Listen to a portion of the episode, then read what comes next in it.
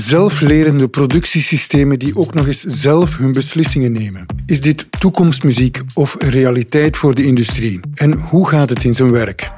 We vragen het Tom Roussel van Flanders Make, gespecialiseerd in machine learning, en aan Maarten de Munk van Capernikov, gespecialiseerd in onder andere machine vision technieken. Ik ben Wim van den Einde en dit is Duurzaam Innoveren, de podcast van Flanders Make over technologische innovaties. Ons doel: een gedigitaliseerde, duurzame en competitieve industrie creëren. Welkom heren. Misschien eerst even kort uitleggen waarover gaat het hier. Wat is machine vision en wat is machine learning? Om even duidelijk te stellen waar we over gaan praten. Maarten? Machinevisie is eigenlijk een, een vakgebied. Uh, in machinevisie gaan we beelden interpreteren om met die interpretatie dan beslissingen te nemen. Machinevisie kan met klassieke methoden gebeuren. Bijvoorbeeld als je een etiket wil controleren, dan kijk je of daar effectief opstaat wat je verwacht, of daar geen lege vlekken zijn. Daar heb je geen machine learning voor nodig. En anderzijds is er machine learning. Machine learning is eigenlijk een techniek om op basis van heel veel voorbeeldgegevens automatisch aan een model, aan een computer te leren wat de onderscheidende kenmerken zijn. En machine learning kan gebruikt worden enerzijds om in beelden dingen te herkennen, maar wordt ook voor een heleboel andere dingen gebruikt. Machine learning zal bijvoorbeeld ook uh, zorgen en leren hoe jij zo lang mogelijk naar je social media feed kijkt, zal leren welke producten jij eventueel nog zou willen kopen bij een webshop. Ook dat zijn toepassingen van machine learning. Mhm. Maar machine vision is dus eigenlijk het inzetten van camera's. Machine vision is inderdaad het inzetten van camera's en een geautomatiseerde verwerking van die beelden. Ja, dus beelden registreren en daar iets mee gaan doen. Ja. ja. Zijn dat klassieke camera's? Dat zijn uh, vaak klassieke industriële camera's en die zijn heel vergelijkbaar met de, de camera die jij en ik gebruiken. Dat kan gaan van een gsm-camera tot een systeem- of reflexcamera. Het enige verschil is eigenlijk dat die in een behuizing zitten die meer geschikt is om tegen trillingen te kunnen, tegen verschillende temperaturen, tegen, tegen allerhande weersomstandigheden eventueel. Ja. Tom, die machine learning, um, is dat een vorm van artificiële intelligentie? Hoe moeten we dat begrijpen? Uh, ja, inderdaad. Machine learning is voor artificiële intelligentie als dat een auto is voor voertuigen. Dus het is een vorm van artificiële intelligentie. Um, specifiek, dat is uh, uh, artificiële intelligentie zijn algoritmes die bepaalde beslissingen maken. Machine learning is een soort uh, intelligentie dat beslissingen gaat maken op basis van voorgaande informatie dat hij als voorbeelden heeft gekregen in een trainingsproces. Dus die gaat leren uit data hoe dat die bepaalde beslissing moet maken, waarin dat bij andere vormen van artificiële intelligentie een programmeur mogelijk een set van regels gaat moeten verzinnen zelf om die beslissing automatisch te maken. Machine learning gaat dat zelf leren. Mm Waarbij de machine telkens slimmer wordt? Uh, ja, elke keer als je zo'n trainingsproces gaat doen, dus je kan op elk moment beslissen om een trainingsproces te beginnen, uh, je geeft dat meer voorbeelddata en dan gaat dat beter zijn eigen uh, waarde gaan bijsturen om de betere beslissingen te kunnen maken. Mhm. dat kan dan bijvoorbeeld zijn ehm, de beslissing maken van is een voorwerp defect of niet. Dat kan zijn van is er in dit camerabeeld een persoon zichtbaar of niet? Waar is die persoon zichtbaar? Uh, dat zijn dat soort uh, toepassingen. Mhm.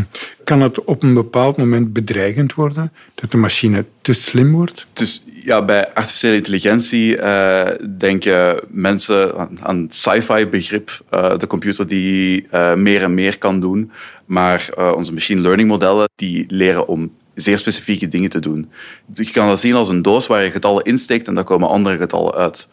Uh, digitaal kan een afbeelding zijn van een auto en uh, het model gaat dan zeggen van dit is een auto. Wat we daarmee gaan doen verder, dat is uh, de verantwoordelijkheid van een programmeur. Maar dus dat is niet een, een, monstertje in een machine dat constant meer en meer gaat bijleren en plotseling kan uw machine uw Facebook-profiel gaan hacken. Mm -hmm. dat is niet hoe dat, dat werkt. Ja, het wordt dus slimmer, maar blijft relatief dom. Ja, inderdaad. Het is eigenlijk een vakidioot. Het kan zijn taakje doen en daar blijft het bij. Mhm. Maarten, kan je een aantal voorbeelden geven of een concreet voorbeeld van uh, een toepassing waarbij we het nut van zo'n uh, machine vision en machine learning systeem kunnen zien?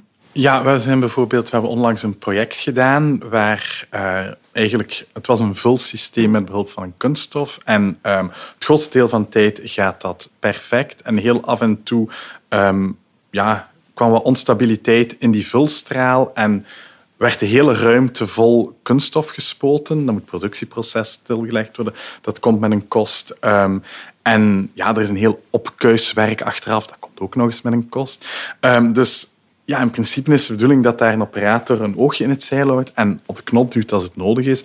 Maar dat gebeurt één keer om de twee weken, één keer om de drie weken. En dus, ja, dat zijn de verschrikkelijkste jobs natuurlijk. Er gebeurt drie weken werk en er gebeurt absoluut niets. En die ene keer moet je echt super attent op de knop duwen. En daar zijn mensen gewoon heel slecht in. Uh, en dat is ook een job die weinig voldoening geeft, terwijl er in dat bedrijf ongetwijfeld heel veel werk is dat, uh, waar die operator veel nuttiger gebruikt kan worden en waar hij ook ja, een echte bijdrage heeft aan, aan het succes van het bedrijf. Mhm. ja. Nog een ander voorbeeld, Tom? Wel, we hebben een project gehad met een bedrijf dat uh, wou zien of dat er in Rekken in een warenhuis uh, ruimte vrij was. En in dat geval, omdat ja, de, achtergrond van die beelden is constant anders, daar hebben we dan een model geleerd om te detecteren of er dozen zijn in dat rek. En dan wanneer dat er een gebrek aan dozen is, geen dozen gedetecteerd zijn, dan kunnen we een waarschuwing sturen naar een operator uh, om te zeggen van er is plaats beschikbaar in die locatie. Mm Dus het kan in een grote industriële omgeving, maar ook in retail, warenhuizen, het kan eigenlijk op heel veel plaatsen. Het kan overal gebruikt worden, ja. Inderdaad. Mhm. Ja. Is het nieuw? Ja en nee. Uh, de huidige technieken die zijn uh, ja, een, een, achttal jaar oud. Artificiële intelligentie heeft een hele geschiedenis van golven waarin dat er heel veel enthousiasme is. En dan toch blijkt het niet zo goed te werken. Zoals van de jaren 80 uh, waren we al bezig met artificiële intelligentie en met machinevisie. De huidige technieken, zo de neurale netwerken, dat we wel vaker van horen in het nieuws, dat is een boom die begonnen is in uh, 2014, 2016 ongeveer, waarin dat er een grote doorbraak is gekomen, waarin dat, uh, machinevisie veel gemakkelijker uh, is geworden om toe te passen. Uh, in de context van machine learning. Hmm. Ik denk dat um, er werd ervoor uiteraard ook al machinevisie gedaan. Er werd ervoor al heel veel kwaliteitscontrole met machinevisie gedaan. En als de omgeving heel mooi gecontroleerd is, um, dus het licht is gecontroleerd, er zitten geen onverwachte achtergronden, dan werken die klassieke technieken goed en die worden in zo'n omstandigheden ook nog altijd gebruikt.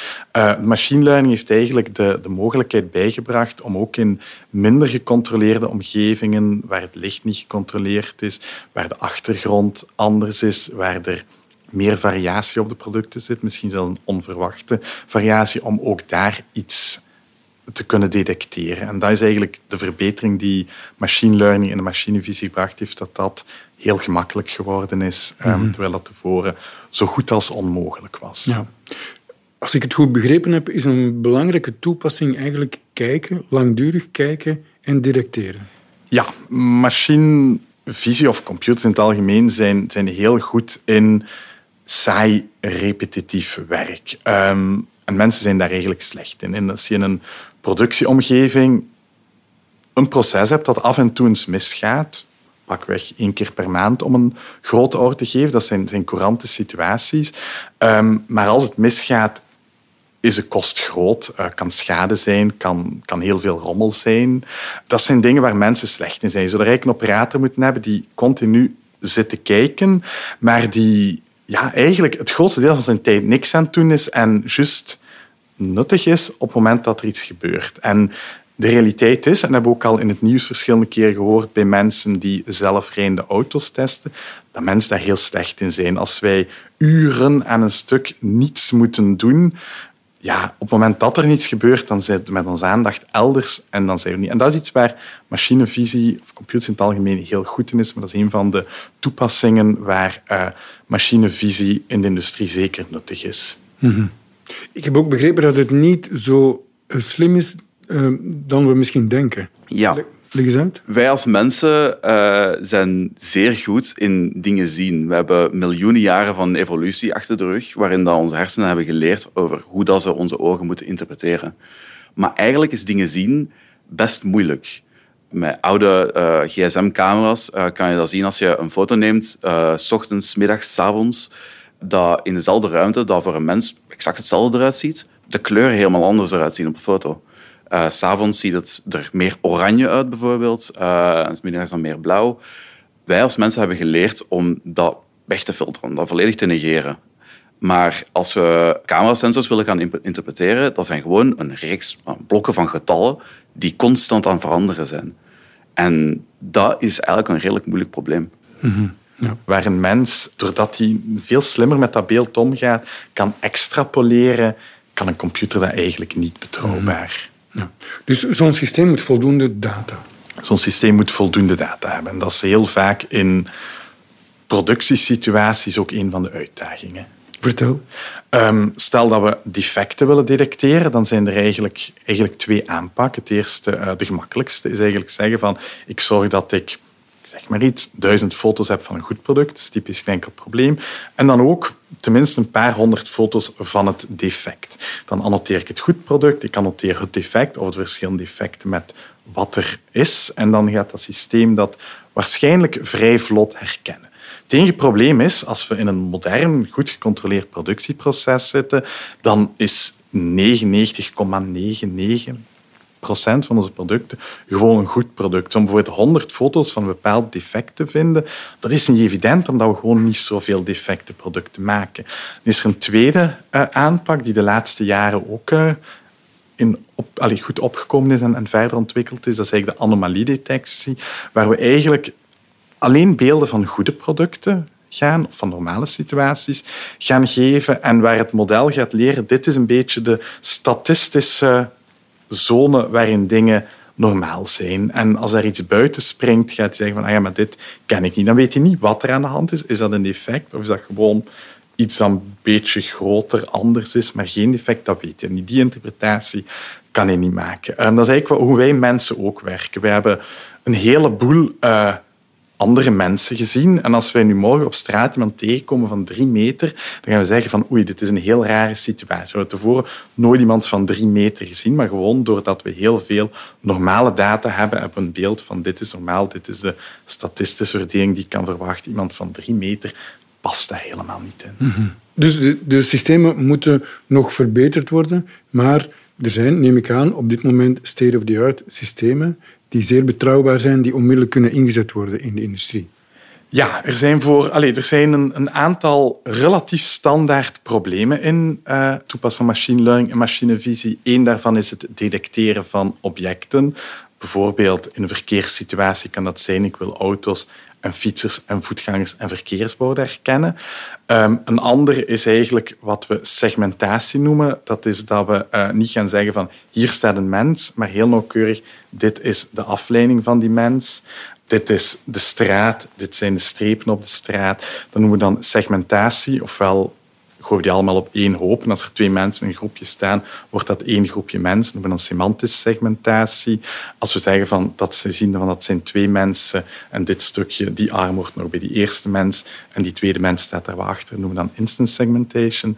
Uh, maar dat zijn eigenlijk de, de drie meest voorkomende problemen. En voor elk van die drie problemen bestaan er kant-en-klare modellen. Like voor de verkeerssituaties kan je die zelfs op voorhand getraind downloaden en dus direct toepassing, toepassen in je applicatie. Maar ook voor bijvoorbeeld een industrieel proces voor je eigen product kan je dat model nemen en train je dat op een aantal beelden van je eigen product. Dan kan je daar objecten detecteren of zelfs de grenzen nauwkeurig segmenteren. Dus die modellen voor die standaard toepassingen die bestaan en wij gebruiken die bij Capernicov heel regelmatig voor klanten. Daar komt eigenlijk geen fundamenteel onderzoek meer aan te passen op dit moment voor die toepassingen. Tom, klopt? Uh, ja, uh, inderdaad niet zoveel aan toe te voegen. Ik wil misschien nog even bijzeggen. Uh, zo, zo de, de architecturen, die modellen waar we het over hebben, dat kan dat eigenlijk zien als een, een soort van blauwdruk. Dat is iets waarmee we kunnen starten. en dan met die voorbeelddata, daarmee kunnen we dan naar één bepaalde toepassing gaan richten.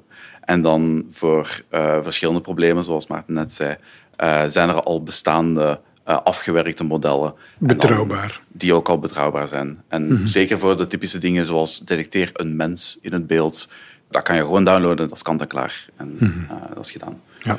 Voor uh, de, de, meer specifieke dingen, zoals um, is mijn product, is er een defectje in, is daar een, uh, een probleempje bij, daar moeten we dan wel iets meer, moeten we beginnen van de, de, blauwdruk en met wat voorbeelddata mm -hmm. het model afwerken. Ja. Misschien dat de werknemersorganisaties dit niet zo graag zien komen, omdat men schrik heeft voor jobs, Maarten. Um, in de bedrijven waar wij komen is men eigenlijk altijd op zoek naar bekwame medewerkers, bekwame operatoren.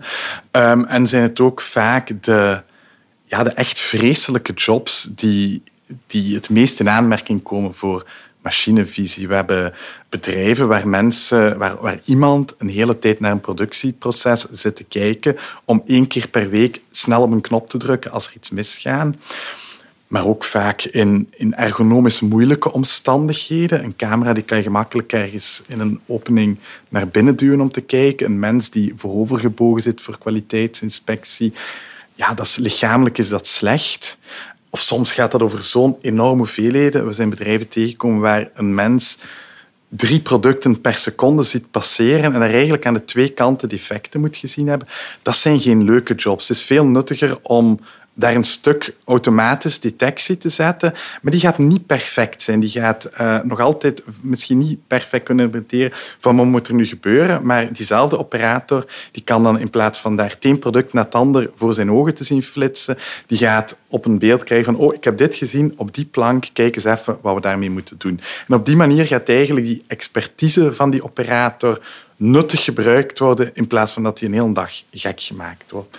Maar in alle projecten die wij gedaan hebben, is er nog geen enkel operator afgedankt. Die hebben een, een aangenamere job gekregen, waardoor die hun werk liever doen, langer doen, minder last hebben van lichamelijke klachten, minder ziek zijn. Maar die operator blijft in dat bedrijf zitten. Want zoals we al eerder gezegd hebben, um, die machine learning systemen die zijn goed in die repetitieve taak, maar die zijn niet echt slim. En voor dat stuk is een menselijke operator die het productieproces door en door kent, die blijft daar essentieel. Mm -hmm. Dus het zijn de afstompende jobs eigenlijk? Die... Het zijn de afstompende delen van de jobs die vervangen worden door uh, interessantere delen waar je het gevoel hebt iets bij te dragen aan het product dat je bedrijf mm. maakt. Ik wil ook nog eigenlijk een ander voorbeeld uh, aanhalen hier uh, van een bedrijf waar ik uh, een aantal maanden geleden ben langs geweest. In die productiehal, zij maken een honderdtal producten per minuut. Maar zij hebben geen werknemer die dat allemaal aan het controleren is. Zij hebben werknemers die alle machines de hele tijd aan het aanvullen zijn en uh, ja, allerlei verschillende taken aan het doen zijn. En soms daarnaast moeten, moeten ze eens gaan kijken, zien of alles nog uh, werkt. Het probleem dat zij dan hebben, is dat er dan ineens een, een probleem in de machine is, waardoor er defecten komen. Maar dat is niet in één van dat object, dat is vanaf een bepaald punt. Al de rest dat geproduceerd werd, is, heeft die fout. Dus de, er is dan een operator die daar gaat kijken en ziet van, ah ja, deze doos, die moeten we helemaal gaan wegsmijten. Want uh, uh, nu hebben we veel te laat uh, het probleem gevonden. Mm -hmm. um, en daar zijn ze nu aan het kijken naar een detectiesysteem te implementeren dat machine learning gebruikt om het automatisch te vinden dat een snel signaal, een waarschuwing kan sturen naar de operatoren.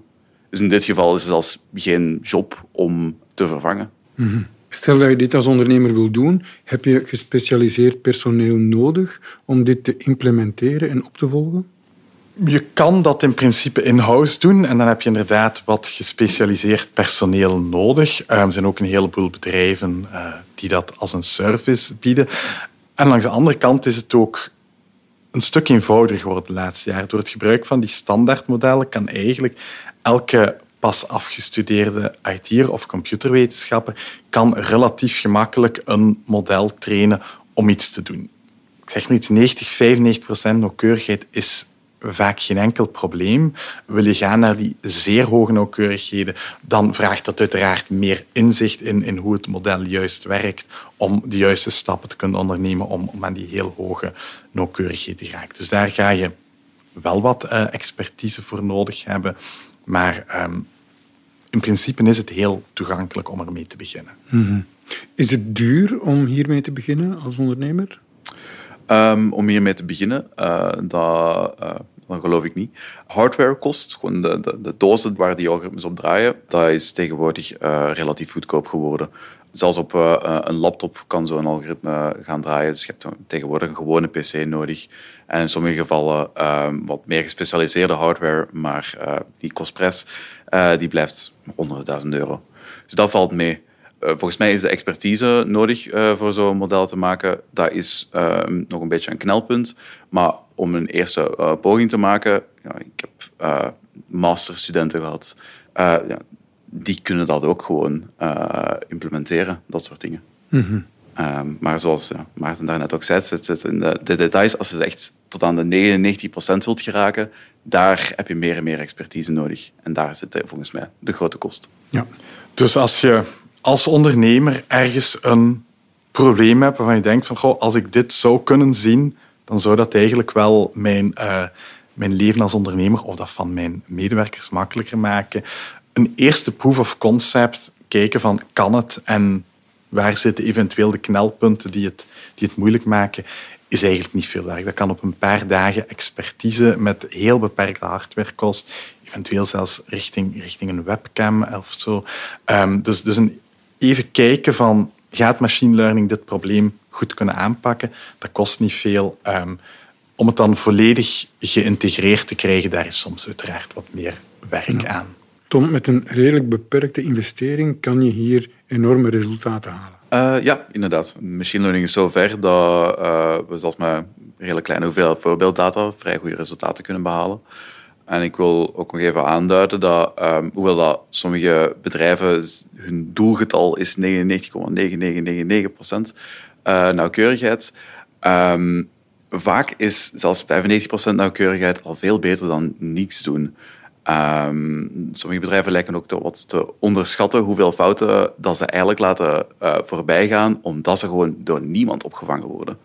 Een eerste machine learning model dat gewoon die eerste beslissing al kan maken en 95% van de, de, slechte voorbeelden eruit kan halen. Uh, dat is dan een serieuze verbetering. um, en de rest kan dan opgevangen worden door een operator, door een mens. Ja. ja, dat is iets dat we ook uh, als we in bedrijven zo de eerste keer komen uh, en dan wordt er gevraagd van ja, we willen een controlesysteem, kwaliteitscontrolesysteem dat dit en dit en dit met die toleranties eruit haalt. En als we dat dan effectief doen, dan is er heel vaak verbazing van er zijn zoveel producten snuitgehaald, dat mag helemaal niet. En dan blijkt dat uh, de effectief geleverde kwaliteit toch een heel stukje lager was dan, dan wat het bedrijf dacht eigenlijk te leveren. En heel vaak is dat geen enkel probleem, want als die producten zouden terugkomen, zouden ze uiteraard geweten hebben. Maar heel vaak zijn er meer uh, toleranties mogelijk dan wat er vooropgesteld is en ook wat, wat men denkt dat men mhm. levert. Ja, Ik heb zo uh, ook al, dat is nu al met twee of drie projecten gebeurd, uh, dat we voorbeeldobjecten kregen van bedrijven, een, een, een, doos met 100 objecten in. En ze zeiden tegen mij, allemaal perfect goede objecten.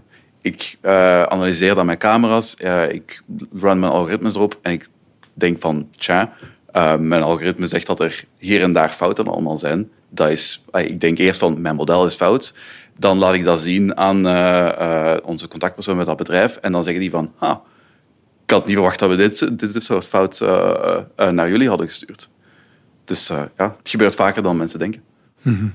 Het is een trein die je niet wil missen, Tom, als ondernemer? Of hoe zie je um, dat? Ehm, op, ik denk absoluut van niet, nee. Um, als ondernemer denk ik dat het belangrijk is dat je toch een stapje achteruit zet en niet keer kijkt waar in dit productieproces zou dit nuttig kunnen zijn denk niet dat machine learning overal uh, een plaatsje zal vinden. Er zullen plaatsen zijn waar dat, uh, dat niet per se toegepast zal worden.